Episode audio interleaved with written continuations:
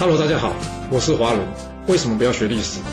因为学历史会让你了解到顶层阶级的思考方式，成为他们的竞争者，所以他不希望你去学。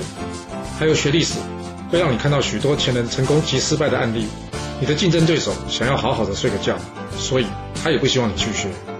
最重要的是，学历史会让你了解人性，你的老板以及同事都希望你保持天真的心，所以他们更不希望你去学。就是因为这些原因，接下来我要跟你说的是故事，而不是历史。今天的主题是要如何处理下属失败。哦，我觉得这题目很难哦，因为很难有标准答案的。以我来说吧，我决定要不要给下属机会呢？通常决定在两件事情上面：第一个，他有没有意愿；以及第二个，他有没有能力。因为要是他没有意愿呢，你死活推不动他。那大家何必互相为难呢？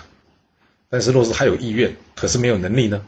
那接着就是他的能力能不能透过训练来提升的问题了。我们先说一个春秋时期春秋五霸秦穆公的故事给您听吧。这秦穆公呢，一直很想要称霸中原呐。一天，他不顾大臣的反对啊，决定派兵去偷袭这郑国。但是郑国没有偷袭到啊，这秦国军队呢，反而在回城的时候啊，在尧山遭遇到晋国的伏兵啊。结果这秦军啊，全军覆没，哇！这可是春秋战国时期秦军唯一的一次啊，被全军覆没，这脸可是丢大了。后来这三位带兵的主要将领呢，捡回一命，逃回到秦国。那你要是秦穆公，你该如何处理这三位战败的将军呢？方案一，按照军法，战败者死，把他们全部给处决了。还是方案二，算了。当初大臣们都建议我不要出兵，这是我自己的决定，不能完全怪在这三位将军身上。想一想，你该怎么做？很多大臣都建议这秦穆公啊，这三位将领啊丧失鲁国啊，应该全部处斩。但秦穆公没有这样做。要知道，这三位将领啊，的确是勇猛过人啊。我秦穆公一次杀了三人，对秦国来说是不小的损失啊。所以秦穆公最后决定怎样？采用方案二。他认为呢，这次出兵呢是他自己的过错，所以他决定怎么样饶恕这三位将军战败的过错。但问题又来了，既然决定不要再追究这三位将军战败的过错，那秦公应该要怎么进行这件事呢？你要知道，这些将军出门的时候可是有一大群军队跟他出征的，现在只剩下三个人回来，所有军队都没了，而且还是逃回来的。那你觉得他们回来的样子？会看起来是很狼狈，还是很有精神啊？既然秦穆公决定之后还要重用这三人，那该如何处理眼前的状况呢？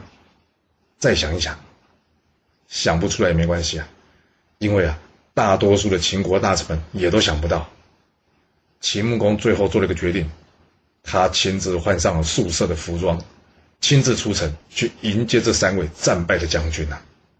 之后呢，叫人用马车。将这三个将军呢再回到秦国之中。哎，你说秦穆公为什么这样做啊？穿素色衣服是因为打败仗嘛？总不能穿得喜气洋洋的吧？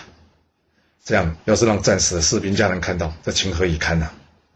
那他为什么要亲自出城去迎接呢？又不是打胜仗。这是因为啊，他希望这些将军们不要这样因此丧志，甚至自杀，那就白费他的好意了嘛。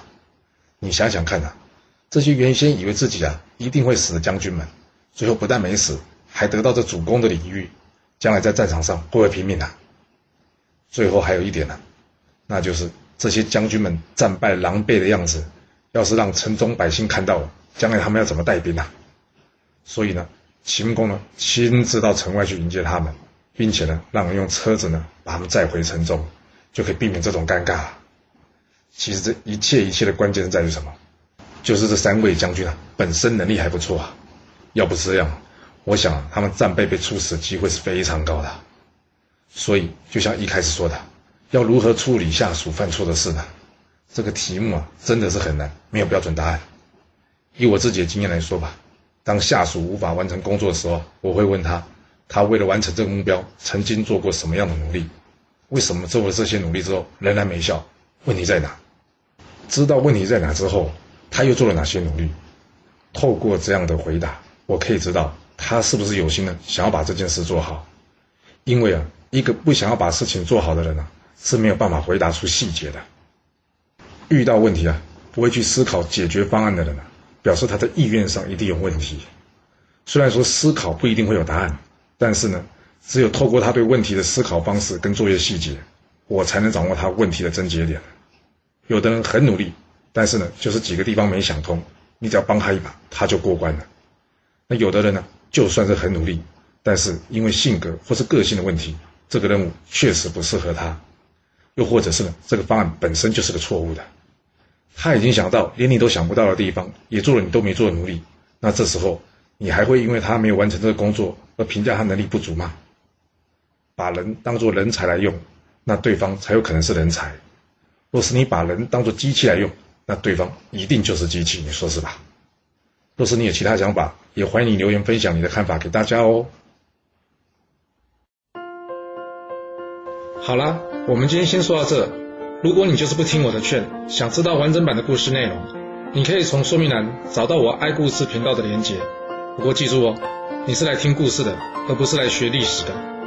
要是您喜欢这个频道，麻烦您动动您的手指，追踪、留言，或是给我五星评价的支持以及分享。谢谢您来收听，我们下次再见。